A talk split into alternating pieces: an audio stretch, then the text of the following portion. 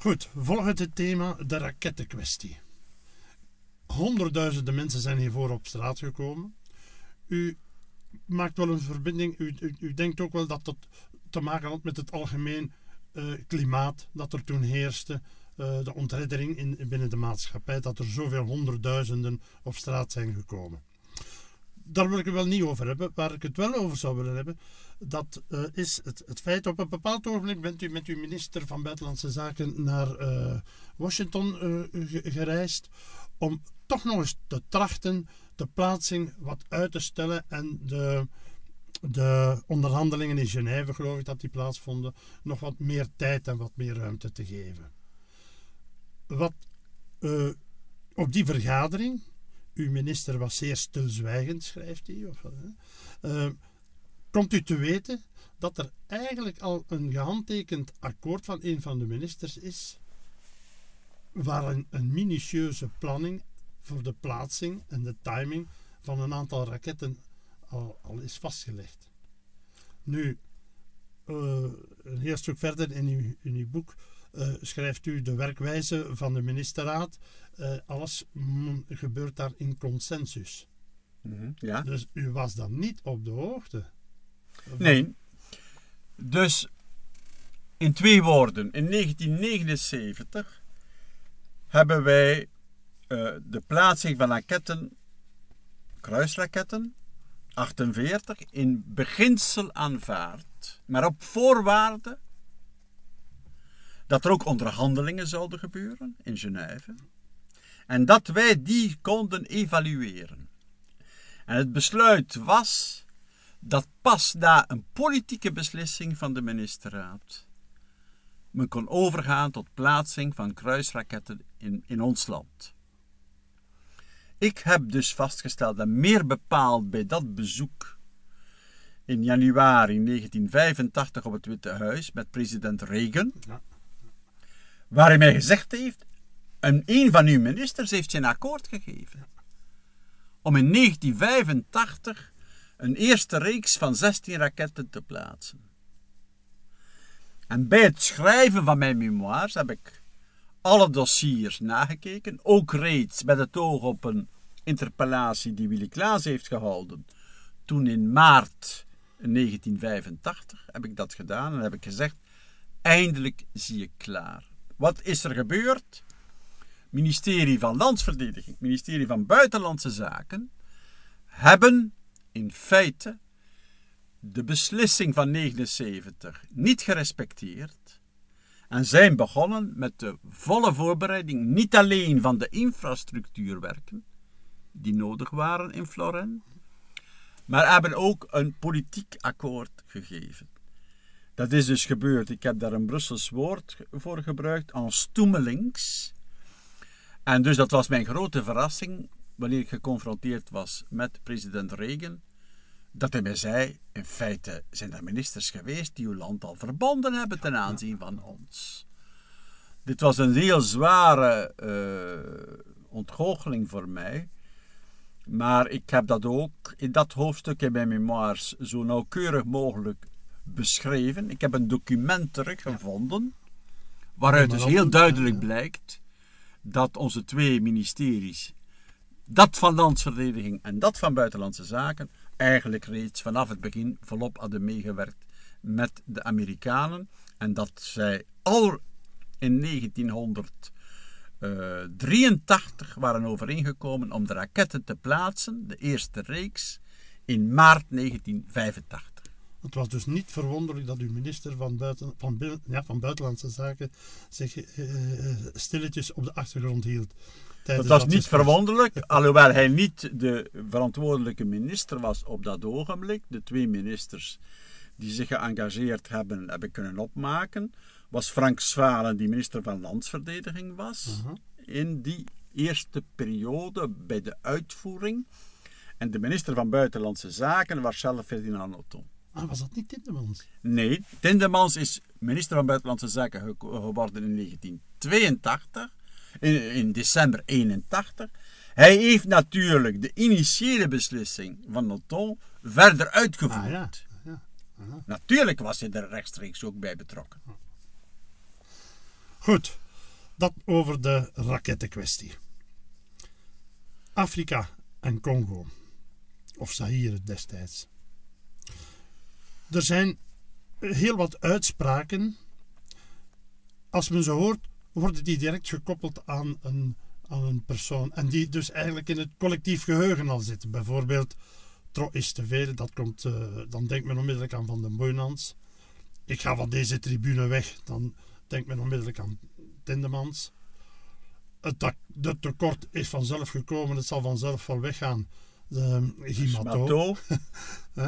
um, dit land is een kippenhok of is een apenland, dat is Mark IJskes. De problemen zullen ze wel oplossen wanneer ze zich voordoen, is de hanen. Ja.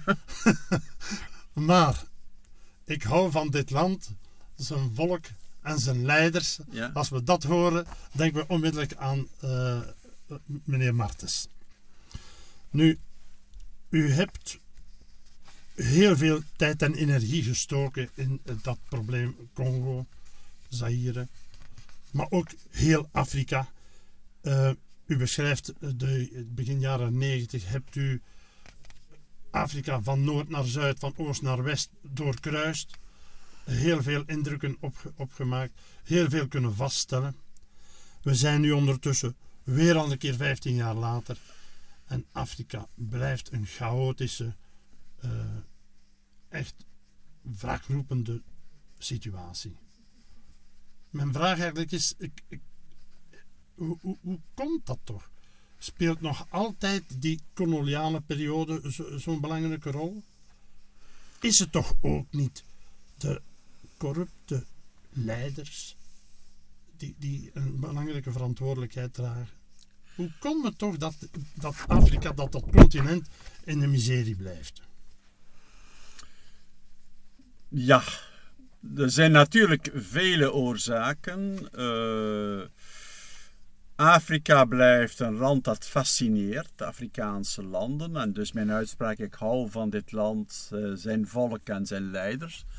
Ik vond, bevond me trouwens niet in een in bijzijn van Mobutu, maar van bisschoppen en lokale leiders. En de toenmalige zogenaamde eerste minister Carliband, een Nguza Carliband. Uh, maar het is een fascinerend uh, continent. Er is geen democratie in die landen. Misschien nu in Zuid-Afrika, geef ik als een voorbeeld. Met toch een historische figuur zoals Mandela.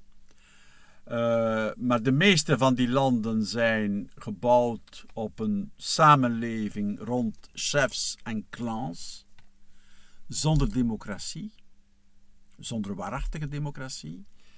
Men zegt van Rusland dat het de verlichting niet heeft gekend. Dat geldt zeker ook voor de Afrikaanse landen. En dus uh, bovendien in vele landen geteisterd ook door de natuurlijke omstandigheden. Er zijn veel landen met woestijnen, maar ook veel landen met enorme uh, mogelijkheden en, uh, van grondstoffen, van de natuur en dergelijke, die niet tot ontplooiing komen. Het is dus een groot raadsel uh, waarom dit zo is. Bovendien wordt het continent in vele van zijn landen ook getroffen door enorme ziektes, zoals aids nu bepaald, maar ook door hongersnood. En ik heb vooral in het begin van de jaren negentig uh, heb ik dat gezien. Kinderen die stierven van honger in de armen van hun moeder. Verschrikkelijk toch? Ik, kan, ik, heb, ik ben nooit zo getroffen geweest en ik heb geweend eh, met mijn reisgezellen als we dat zagen. En zo ook de organisatie van de UNO was onbekwaam uh, om daar effectief iets aan te veranderen. Dat is een groot raadsel uh, waarom dit zo is. Er zal ooit verandering in komen. De kolonisatie heeft een zeer uh, negatieve invloed gehad in vele van die landen. Heeft ze niet, uh, die samenlevingen niet rijp gemaakt voor zelfontwikkeling, voor emancipatie uit zichzelf. En dus zijn veel van de Afrikaanse landen, is het probleem, bestaat het nog altijd in zijn diepste kern.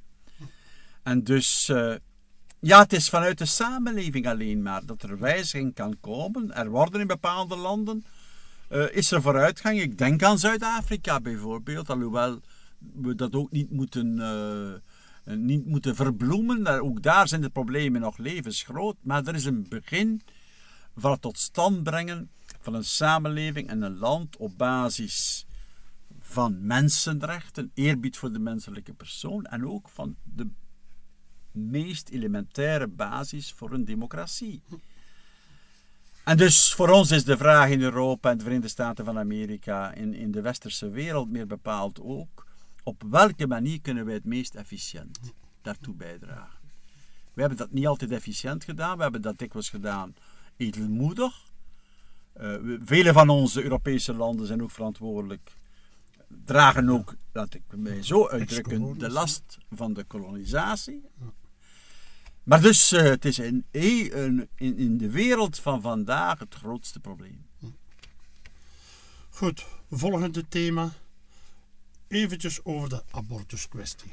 Ik geloof dat het de laatste zin is dat u eh, over dat eh, thema aanhaalt. Er zijn verschillende wetsvoorstellen geformuleerd om de koninklijke functie te herdefiniëren, maar ze zijn nog nooit in de Kamer of in de Senaat geraakt. Nee. Hoe komt dat? Dat is ook een raadsel voor mij. Eh, natuurlijk, het probleem is in de praktijk opgelost. De gewetensnood Ja, ja. van koning Boudewijn bestond niet bij koning Albert. Later, wanneer hij geconfronteerd was met eh, door het parlement aangenomen wetten op de euthanasie, op het homohuwelijk, bijvoorbeeld. Ik ben absoluut zeker dat indien koning Boudewijn waren geconfronteerd geweest met dergelijke wetten, dat hij dezelfde houding zou hebben aangenomen. Koning Albert heeft het dus niet gedaan, heeft die wetten ondertekend. Boudewijn zou dat in geen geval gedaan hebben. En het probleem zou zich dus opnieuw gesteld hebben. En het zal zich misschien in de toekomst nog terugstellen. En het kan zich opnieuw stellen eh, als de kroonprins Filip koning wordt. Nu, dat is de reden waarom ik een voorstel heb geformuleerd. Ik heb dus voorgesteld dat wanneer een wet wordt aangenomen die ontstaan is op initiatief van het parlement, dat is een wetsvoorstel. Mhm. Als dat wet wordt, dat dan die wet wordt bekrachtigd, getekend door de voorzitter van het parlement, door de president van het parlement en niet door de koning. Wetsontwerpen worden vanaf de beginfase ondertekend door de koning. Maar dus het fameuze abortuswet was oorspronkelijk een wetsvoorstel. Waar was de een regering initiatief, van het parlement. van het parlement. Niet initiatief van de regering, dus niet ondertekend door de koning vanaf het begin. En dat was dus mijn voorstel. En men heeft het nooit willen bespreken. En dus dat is het zeer eigenaardige. Dat kan zich in de toekomst opnieuw voordoen. En dus eh, ik eh, denk dat het eh, toch alles bij elkaar een goed voorstel was. Als dus de koning is niet meester van parlementaire initiatieven, als die wet worden, en als hij dus geconfronteerd wordt, of wat het geval was rond abortus, in gewetensnood geraakt, en dus geweigerd heeft zijn handtekening te zetten, men kan dit, deze situatie vermijden eh, wanneer wetten op initiatief van, wets, van parlementsleden zijn aangenomen, dat dan de president van het parlement tekent. Ja, de voorzitter van het parlement. Goed, volgende thema: Europa. Tweemaal eh, in, in uw eh, periode als eerste minister eh, was, u, was, was België voorzitter van de Raad eh, van Europa. De jaren tachtig zijn wel gekenmerkt door toch een, zeer dynamisch verloop van de Europese kwestie. Vooral onder de de stimulerende invloed van Delors samen met Kohl en Mitterrand. Ja. Belangrijkste verwezenlijking, denk ik toch wel, eh, u schrijft dat toch ook, eh, over de eenmaking van de Europese markt en de eh, eenmaking naar de Eu- Europese munt toe. Daar werden een, e- voorafgaandelijk eerst een intergouvernementele commissie voor opgericht, IGC. Ja. Hoe werkt zo'n intergouvernementele commissie? Het is een intergouvernementele conferentie. De degenen die daar deel van uitmaken zijn de regerings, staats- en regeringsleiders. En een intergouvernementele conferentie wordt eh, opgericht om een nieuw verdrag te maken of bestaande verdragen te wijzigen. Vandaag zal men dat doen. De grondwet is mislukt, maar men zal dus een hervormingsverdrag maken. En dat zijn dus de staats- en regeringsleiders. In feite, eens de beslissing is genomen om zo'n conferentie te houden, die dan wordt besloten op het einde met een formeel akkoord, zijn het de diplomaten die eh, dat voorbereiden. En dus wij hebben, er zijn twee grote hervormingen tot stand gebracht in de periode dat ik lid was van de Europese Raad als eerste minister van ons land. Dat was dus de eenheidsmarkt, die in werking is getreden vanaf 1 januari 87. En ten tweede de eenheidsmunt, de euro. Maar dus, de diplomaten, vertegenwoordigers van de staats- en regeringsleiders, bereiden dat voor gedurende weken en maanden.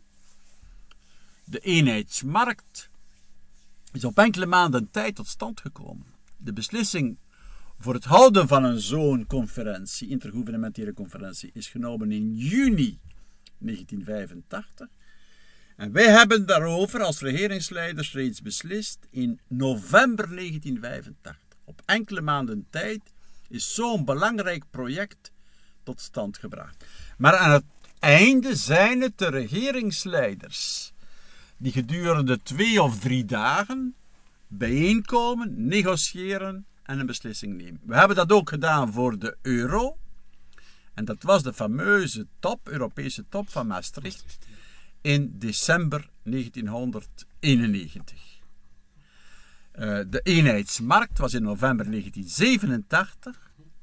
eh, nee, in 1985. De eh, euro, Economische en Monetaire Unie, was in december 1991. Dus lange voorbereiding door de diplomaten. Die spreken in naam van de regeringsleiders. Maar dan het beslissende is altijd de bijeenkomst van de regeringsleiders zelf. Daar is ook een intergouvernementele conferentie geweest rond de Europese Politieke Unie. Maar dat is blijkbaar op een sisser afgelopen. Wel, in Maastricht hebben we, hadden we twee thema's. Economische en Monetaire Unie. De euro Ja, ja, is daar ja, formeel beslist. En dan hadden we de Europese Politieke Unie. En dat is dus eh, niet volledig gelukt, in tegendeel. We hebben dus een gemeenschappelijk buitenlands beleid niet kunnen opnemen in de normale beslissingsmethode van de Europese Unie. Het bleven eh, contacten eh, en samenwerking alleen maar, zonder formele beslissing tussen de regeringen. En ook op een tweede thema dat we wouden regelen in de, economie, in de Europese Politieke Unie, namelijk justitie en politie, is ook blijven steken in uh, pure, alleen maar samenwerking tussen de regeringen en geen eigenlijke beslissingen. Nu, in het ontwerp van de Europese grondwet, en het gevolg daarvan, dat nu moet worden verwezenlijkt in een hervormingsverdrag, worden ook die domeinen, gemeenschappelijk buitenlands beleid, politie en justitie, opgenomen in wat men noemt het communautaire beslissingen van de Europese Unie. En dat was een van de redenen waarom de grondwet als dusdanig is mislukt. Maar hopelijk bestaat dus nu de kans dat uh, volgend jaar, ten eerste dat er nu in oktober uh, een beslissing wordt genomen over dat hervormingsverdrag en dat het volgend jaar wordt bekrachtigd in de 27 lidstaten. Daar gaan we het straks nog even over ja. hebben. He, want uh, ja. Thema, het laatste thema waarover het, eh, we moeten nog hebben, eh, meneer Martens, is over de communautaire problemen, de staatshervormingen. Eerste staatshervorming in 70, nog door eerste minister IJskes. Dan die van 80, die van 88, 89 en eigenlijk die van 93 mogen we eigenlijk ook nog toeschrijven aan, aan uw tussenkomst, want die is volledig voorbereid nog in, in uw periode. Er is een klein ho- hoofdstukje met als titel ingenieuze en complexe financiering. U beschrijft daarin hoe ingewikkeld dat systeem eigenlijk, de financiering van de, deelge, de, de gewesten en de, de gemeenschappen, is een zeer gevoelig thema. En toch is dat al jaren in, in een, een zeer, zeer eh, markante rust. En u schrijft dat toe omdat het systeem zo ingewikkeld is, zo complex is, dat er quasi maar enkele mensen dat grondig eh, kennen, eh, maar dat toch iedereen het gevoel heeft dat het rechtvaardig is.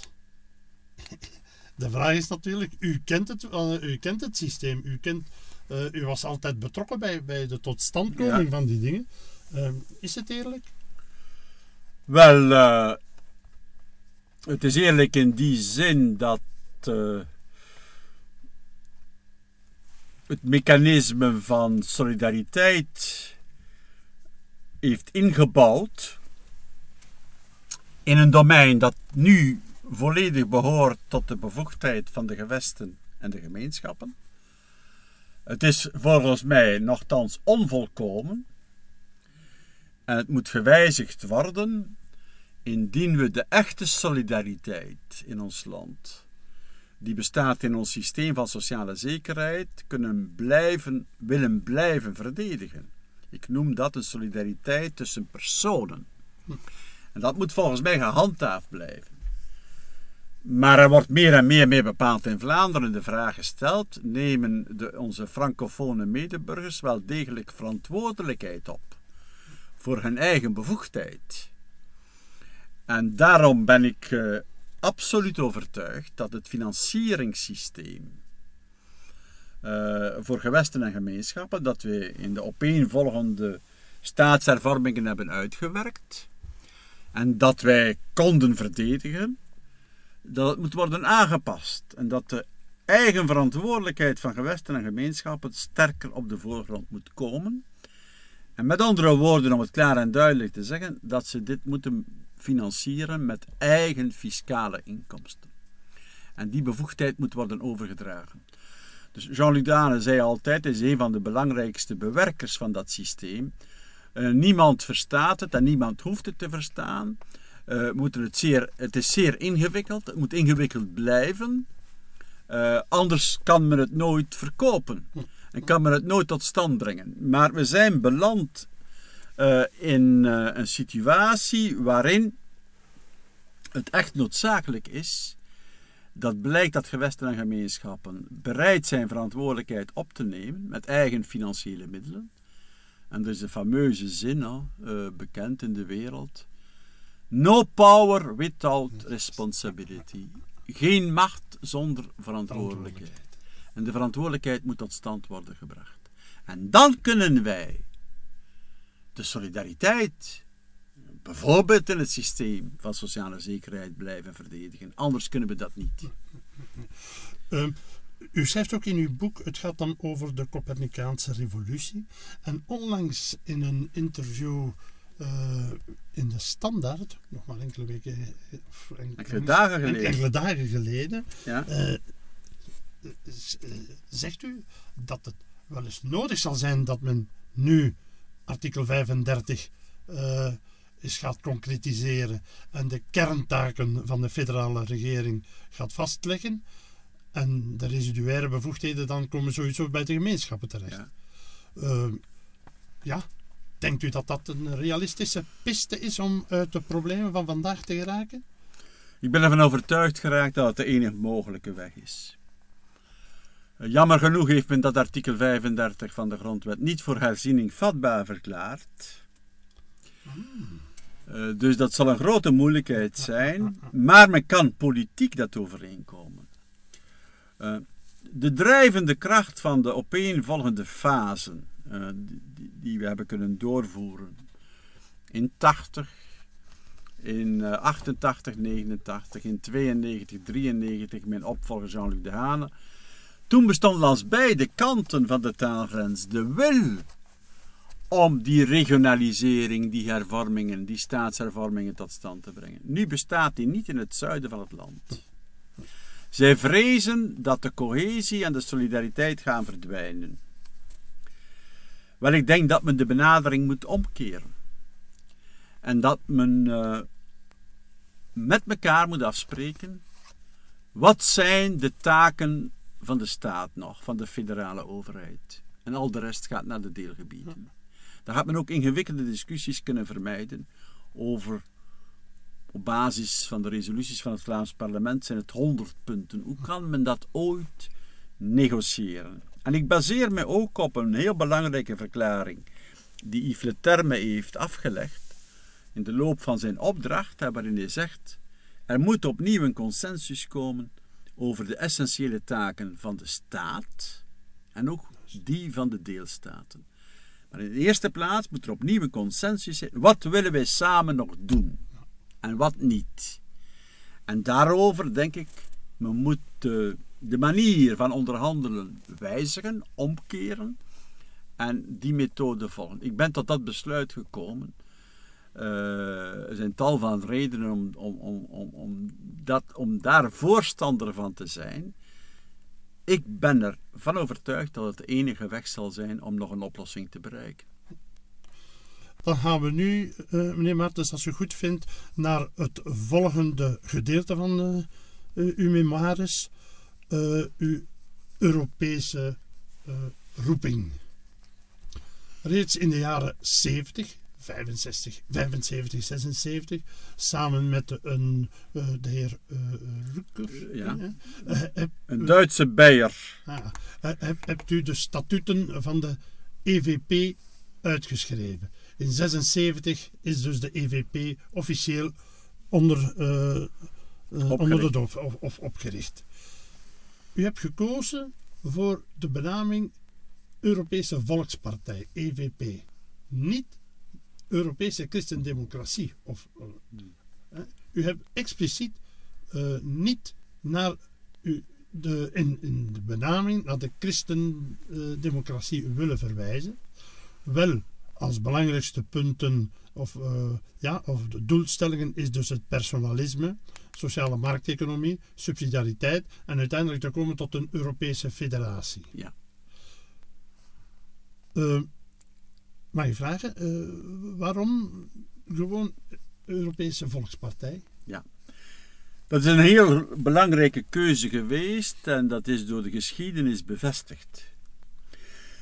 De Europese Volkspartij in de beginfase, in de oprichting, was een federatie van pure christendemocratische partijen.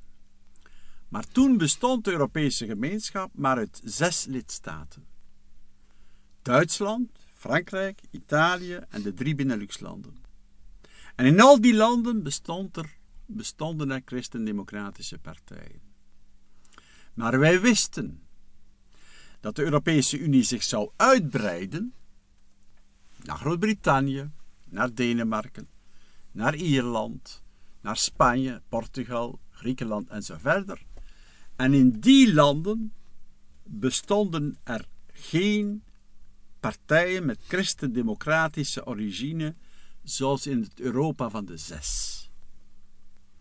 En dus we hebben een heel lange discussie gehad over de vraag: gaan wij ooit niet-christendemocratische partijen aanvaarden in de EVP? Weliswaar op voorwaarde dat ons basisprogramma, onze drie pijlers die je zo pas hebt vernoemd, aanvaarden. En in dat perspectief hebben we de partij genoemd Europese Volkspartij. Ook omdat er voor mij, maar dat is dan inhoudelijk, uh, christendemocratie en volkspartij zijn voor mij de twee facetten van dezelfde partij. Huh? Christen-democratische partijen zijn bij essentie volkspartijen. Ja, ja. Maar dus, eh, dat heeft toegelaten nadien, wanneer eh, eerst eh, de Europese gemeenschap een gemeenschap is geworden, niet van zes, maar van negen, van twaalf, nadien van vijftien en vandaag van Ja, 27, ja, ja, ja. om al die volkspartijen te verenigen op, gemeen, op ons basisprogramma. Hoe groter de verscheidenheid, hoe belangrijker toch een basisprogramma Programma. moet zijn. Ja. Goed. Eh, op verzoek van eh, Helmut Kohl wordt hij in 90 eh, voorzitter van de, EV, van de Europese Volkspartij. Ja. Dat gaat u na eh 92 eh, voltijds eh, gaan uitvoeren. U verhuist dan van Lomberman, Lam, ja, Lomberman de Wetstraat. van de Wetstraat 16 naar de Overwinningsstraat 16. Ja. Eh, ik heb het daar straks al, al op gewezen. Op dat ogenblik was het voor u een eh, weg naar de catacomben, maar achteraf ge- ge- bekeken mag u toch wel zeggen dat het een eh, zeer eh, toch een overwinning is geworden. Als we zien hoe dat de EVP ontwikkeld en gegroeid is met de jaren. eh, u hebt daar enorm veel inspanningen voor gedaan. U hebt eh, ja, weken, of bijna alle weken was u eh, op, op, op reis naar conferenties, naar vergaderingen. Goed. In 1994 komen dan de verkiezingen. U staat op de tweede plaats op dat ogenblik, Mhm. na Tindemans. Mhm. En u wordt dan ook fractieleider in het parlement, in het Europees parlement. Wilt u toch eens, eh, want u schrijft ook, partij en fractie is niet hetzelfde.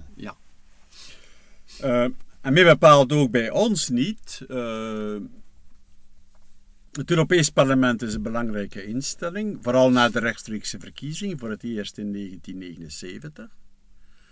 Eh, de eerste keer rechtstreeks verkozen. Voordien waren de leden van het Europees Parlement in tweede trap verkozen door de nationale parlementen, maar vanaf 1979 rechtstreeks. En eigenlijk, ik heb het vijf jaar meegemaakt, zijn het de fractie, fracties, de parlementsgroepen, die de drijvende kracht zijn van het Europees Parlement. Dus de functie van de leider van de EVP-fractie in het Europees Parlement is een uitermate belangrijke functie, naast die van voorzitter van de EVP.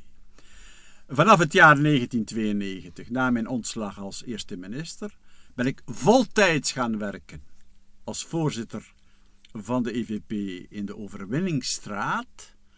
En ik heb het beschreven als een periode dat we opnieuw in de catacombe zaten, maar we zijn eruit geraakt. En in 1994 wou Helmut Kohl absoluut, vermits ik ook in het Europees Parlement werd verkozen, dat ik de beide functies zou combineren. Dat is een vaste traditie in Duitsland. En hij wou dus dat absoluut. Het is een onmogelijke taak geweest, een heel belangrijke taak, maar ook een heel vruchtbare. Toen ik fractieleider werd in 1994 hadden we 157 Europese parlementsleden. Toen ik wegging in 1999 hadden we er 200. Ik heb de partij ook en de fractie enorm kunnen uitbreiden. En vanaf 1999 zijn we opnieuw de sterkste fractie in het Europees Parlement. Maar de fracties zijn de drijvende kracht.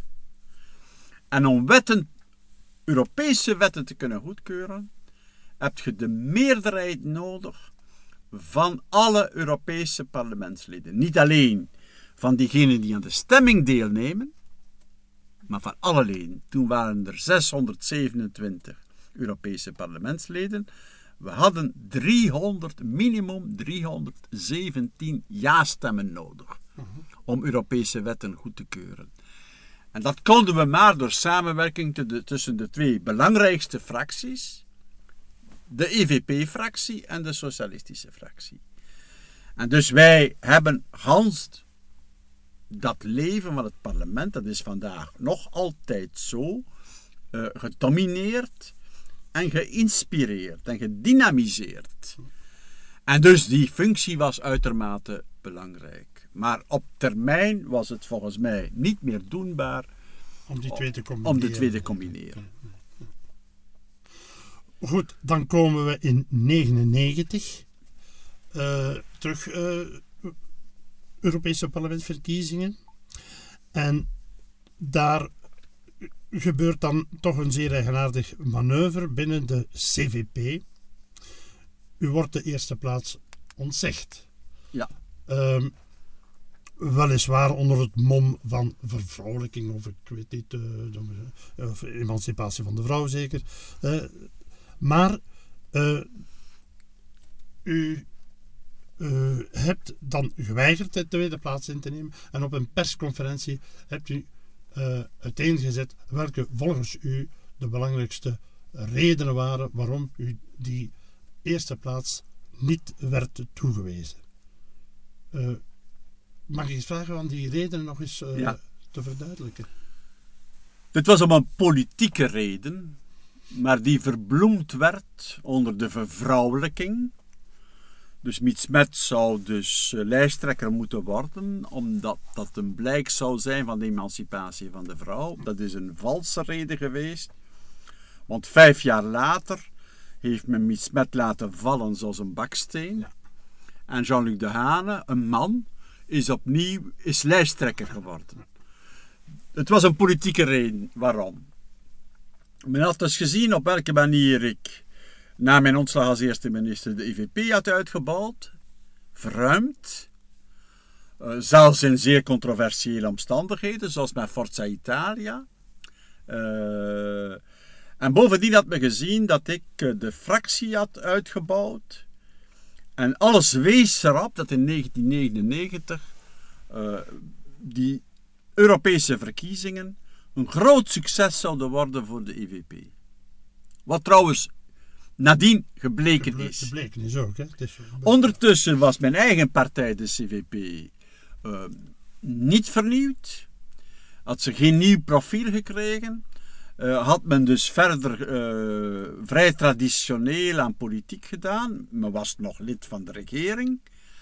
En dus eh, voor mij is het absoluut duidelijk dat men, dat men een clan in de partij vreesde dat ik als grote overwinnaar, als ik lijsttrekker zou zijn voor de Europese verkiezingen aan het hoofd van de lijst van de CVP in 1999, dat ik als grote overwinnaar uit die verkiezingen zou komen, niet alleen Belgisch, maar vooral ook in mijn functie als eh, EVP-voorzitter en fractieleider van de EVP in het Europees Parlement. En dat dan mijn terugkeer in de Belgische politiek onvermijdelijk zou zijn. Dat is de fundamentele reden waarom men niet gewild heeft tegen alle tradities in. Men heeft altijd, bijvoorbeeld aan Leo Tindemans, is ook voorzitter van de EVP geweest, is ook fractieleider geweest van onze EVP-fractie gedurende twee jaar en een half in het Europees Parlement. Er heeft nooit iemand getwijfeld om hem lijsttrekker te maken, is het altijd geweest. En trouwens in 1994, Ja, dat wel, dat is wel. waar ik toen al EVP-voorzitter was, heb ik de tweede plaats ingenomen. En Leo Tindemans de eerste plaats. En men heeft mij dat geweigerd in 1999, omwille van een bij uitstek politieke redenen, die met de Belgische binnenlandse politiek te maken had. Het was ook een domme beslissing, want ik had er nooit aan gedacht nog terug te keren in de Belgische politiek. En dat heeft dus meegebracht dat ik dus eh, gezegd heb, in die omstandigheden wens ik geen kandidaat te zijn. Dat heeft ook meegebracht, ik was geroepen om voorzitter van het Europees Parlement te worden. Na de verkiezingen van 1999, iedereen ging daarvan uit. Eh, eh, de regeringen, maar vooral ook het Europees Parlement. Dat alles heeft zich niet voltooid. Gelukkig uh, maar dat is een heel belangrijke keuze geweest voor mezelf. En ik heb die dus in die uren en dagen die toen gemaakt. Is daardoor tijd en energie vrijgekomen voor mij om mij volkomen opnieuw aan de partij te wijden. En ik ben dus vanaf 1999 meer dan ooit fulltime voorzitter van de EVP. We hebben 70 lidpartijen. Niet alleen in de 27 lidstaten, maar ook in talloze andere landen. Ik heb deze zomer heb ik Georgië bezocht, Oekraïne, uh, Turkije, Cyprus, enzovoort enzovoort. Dat is dus dagelijks werk voor mij en dus uh, de, de, de, de, slechte beslissing. Uh, mea, wat zegt het? Culpa Felix, Felix culpa van de, die domme beslissing. En uh, van 99 heeft meegebracht dat er. Dat de EVP nog heel, heel, heel veel sterker is kunnen... Veel sterker is uitgebouwd ja. Ja, maar door het feit dat ik de keuze heb gemaakt, uh, ik wou dus daarvan bevrijd zijn. Ik wou me dus uh, niet laten vernederen. Uh, en een lot ondergaan dat in strijd was met een lange en vaste traditie in mijn partij. Inderdaad, de EVP heeft toen een ongelooflijk mooie uitslag behaald men was zo eufor dat iets later in Malaga uh, Berlusconi, uh, William Hague, um, Wolfgang Schäuble, ja, Schäuble eerste minister en, José María Aznar, zij uh, op een diner de, de EVP-fractie wilde omdopen tot EVP conservatief. Ja dat moet bij u toch. Uh... Dat was ook een heel dom voorstel. Uh, nu, het woord conservatieven heeft in verschillende landen, in vele landen, niet de pejoratieve kant die het bij ons heeft. En in de Benelux heeft. En dan hoorde ik het uh, donderen in Keulen. Toen ze dat voorstelden. Zonder vooraf overleg te hebben gepleegd met mij. Enfin, u hebt dat dan kunnen counteren, Ik heb het op dezelfde diner heb ik het kunnen omkeren. En is dus uh, onze fractie het Europees Parlement, die vrijer is, ook in zijn allianties, kunnen omgedoopt worden tot EVP-ED, ED, afkorting van Europese Democraten. Ja, ja, ja, ja. ja dat dacht ik wel dat uh, eh, EVP-conservatief, dat u dat niet zou uh, zomaar geaccepteerd hebben. Nu, in 2004 wordt u gevraagd om in Bosnië de politiehervorming mee te helpen realiseren. U hebt zich geïnspireerd op de politiehervorming hier bij ons, ja. in Rusland. Nu, enkele jaren later, hebt u enig zicht of dat gelukt is daar in Bosnië? Het is zeer actueel. Ik heb geen volledige consensus kunnen bereiken, een zeer ruime meerderheid in mijn verslag. En waarom is het actueel? Omdat de nieuwe hoge vertegenwoordiger van de UNO en van de Europese Unie heeft moeten vaststellen dat de krachten die toen tegenwerkten nog altijd bestaan. En dus deze dagen uh, heeft Olly Rehn, die de verantwoordelijke lid is, commissaris van de Europese Commissie voor uh, die landen en meer bepaald voor Bosnië-Herzegovina, en ook de speciale vertegenwoordiger van de Europese Unie hebben gezegd: als u dat niet aanvaardt, in feite nog altijd te besluiten waartoe ik gekomen ben, drie jaar geleden, dan wordt ge, krijgt je geen associatieverdrag. En dus uh, op donderdag uh, eh, 6 september zullen beide het parlement van Bosnië-Herzegovina toespreken om hen te eisen dat de conclusies waar ik toe, waartoe ik gekomen ben toen in mijn verslag, dat die door hen aanvaard worden. Enfin, daar vraagt het dan toch ook eh, veel tijd en uh, ja, geduld. maar het was een heel interessante ervaring. Ja, ja, Goed, de EVP eh, en de fractie, zoals u zegt, heeft een zeer belangrijke rol gespeeld ook bij het tot stand komen van de conventie.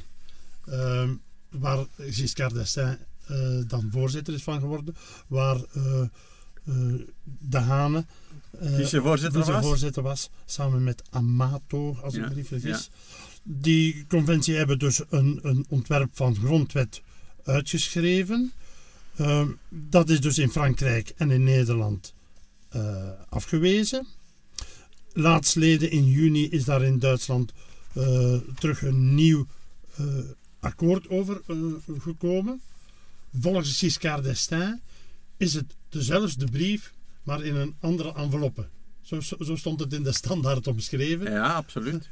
En is dat ook zo? Is, is het inhoudelijk eigenlijk hetzelfde als wat in de conventie werd bepaald? Ja, eh, voor, eh, Giscard heeft gezegd voor 95%, laten we zeggen voor 90%. Maar er ontbreken twee belangrijke dingen. Het was de enige manier blijkbaar waarop de huidige leiders in de Europese Unie eh, het kunnen doen aanvaarden in bepaalde landen. Ten eerste, de symbolen zijn verdwenen uit dat verdrag, dat men een grondwettelijk verdrag noemde. Ah, ja. Dus het vaandel, eh, de hymne eh, enzovoort. Voor mij een onbegrijpelijk iets, maar ja, goed. Die bestaan dus toch. Als ik in Georgië ben, of zelfs in Oekraïne, naast de nationale vlag, prijkt daar de Europese vlag. Dus ze gaan dat toch niet kunnen vermijden. Maar het verdwijnt uit de tekst zelf van het verdrag. En ten tweede, de grote bedoeling was ook buiten het inhoudelijke om een transparante, een begrijpelijke tekst te maken. Met die Europese grondwet. Daar waren ze niet volledig in geslaagd, maar toch, het eerste deel was vergelijkbaar met een goede grondwet. Dat moest er ook uit om het te kunnen verkopen nu en te laten bekrachtigen in de parlementen. En het is dus opnieuw een zeer complexe tekst. Er zijn twee verdragen gemaakt, voorbereid. En men heeft als het ware, zelfs specialisten zoals wij, een vademecum nodig om het te kunnen verstaan en begrijpen. En dat is natuurlijk negatief, maar de inhoud gaat voor. Voor. En Dat dus, is dezelfde redenering als dat de Hane gebruikte voor De financiering. exact. Exact. Maakt het maar ingewikkeld. eh. En niemand raakt er nog wijs uit. Natuurlijk, er zijn een aantal mensen die er wel wijs Ja, ja. uit geraken. Die weten wat erin staat en wat er niet in staat. En dus ik, effectief, ik denk dat 90% eh, erin is blijven staan. Dan zal het dus op termijn toch wel een goede zaak zijn. Dat zal zeker een goede zaak zijn. Maar de opdracht blijft, als men opnieuw het gros van de bevolking, van de publieke opinie wil winnen, zal men hoe dan ook later een klare, korte Europese grondwet moeten schrijven. Ziet u de evolutie naar een Europese federale staat binnen afzienbare tijd? Of is dat eh, een, op, eh, een, een, een droom voor later? Bepaalde elementen die nu al verwezenlijkt zijn in de Europese verdragen zijn federale elementen. Het creëren van een eenheidsmunt, het creëren van een eenheidsmarkt, met beslissingen die genomen worden op het Europese niveau.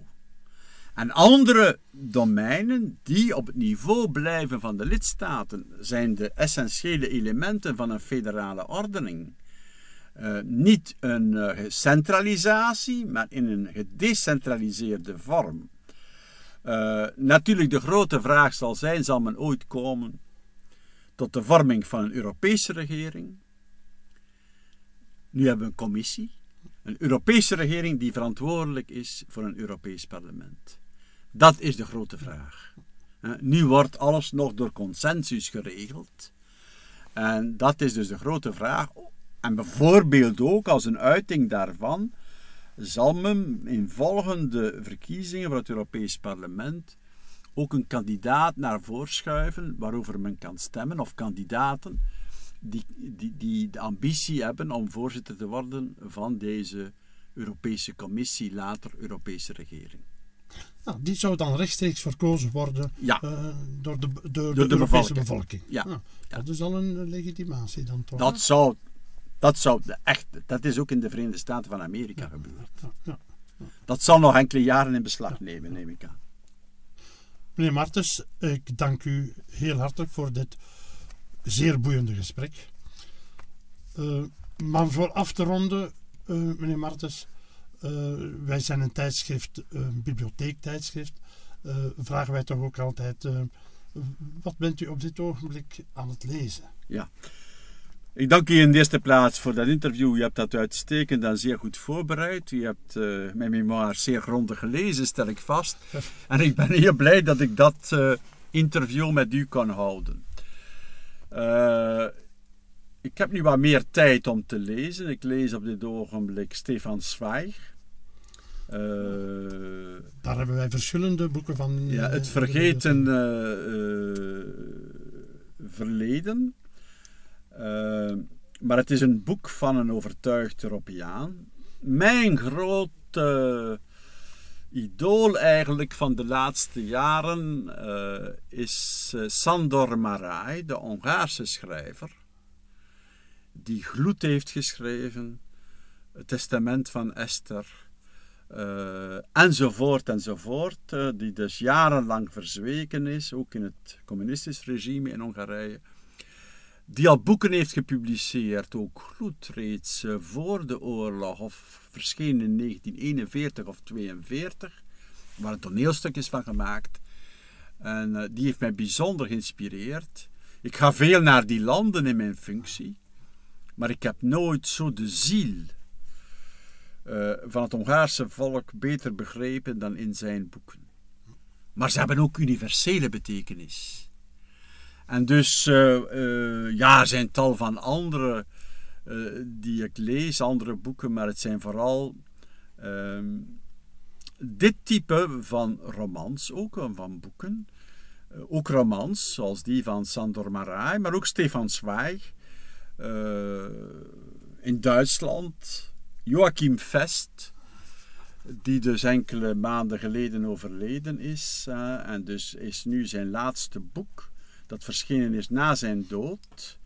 Uh, ich nicht, etiam si omnes, ego non, was het devies van zijn vader, die een leraar was. Hij was een van de weinigen die vanaf de beginnen en altijd geweigerd heeft mede te werken met de, met de nazi. En dus uh, dat was het grote devies. Met, met alle gevolgen van die. Dat? Wat betekent dat? Ook als allen meedoen, ik niet. Ach zo. zo. Het Latijnse. Ja, en hij schreef dat ook nog verkeerd, zegt hij. Ja. Want hij zat in het begin van Dumaniora. Maar dus het komt uit de Bijbel. Etiam si omnes. Ook als allen meedoen, egonan. Ik niet. Ik niet. Toch hartelijk bedankt voor dit interview, meneer Martens. Dankjewel. Je hebt er groot werk van gemaakt. Ah, ja, meneer Martens. ja. Dat moest ook, hè, zeg. Ja, ja. het, is, uh... het is echt de moeite is... waard. Dankjewel ja. hoor. Ja. Nee, u bent bedankt. Maar ik heb het met zeer veel aandacht. Ah, dat... ja. Nu denk ik wel, ja. nu kijk ik eigenlijk wel uit naar bijvoorbeeld de memoires van Schils. Ja. Die, die, die worden ook... Uh, uitgeschreven. Hè, door Met grote moeite. Wat, ja? Met zeer grote moeite. Ik weet niet of ze ah. ooit zullen verschijnen. Oei. Maar was dat, is dat niet Bruno de Wever dat daarmee bezig is? Ja, er is eerst een commissie, maar er was dan ook een ander initiatief. Uh, ik weet niet of ze echt ooit zullen tot stand Ik hoop het wel, hè, dat ze zullen mhm. tot stand komen. Ja. ja. Ik moet rap eens telefoneren naar mijn medewerkster. Ja.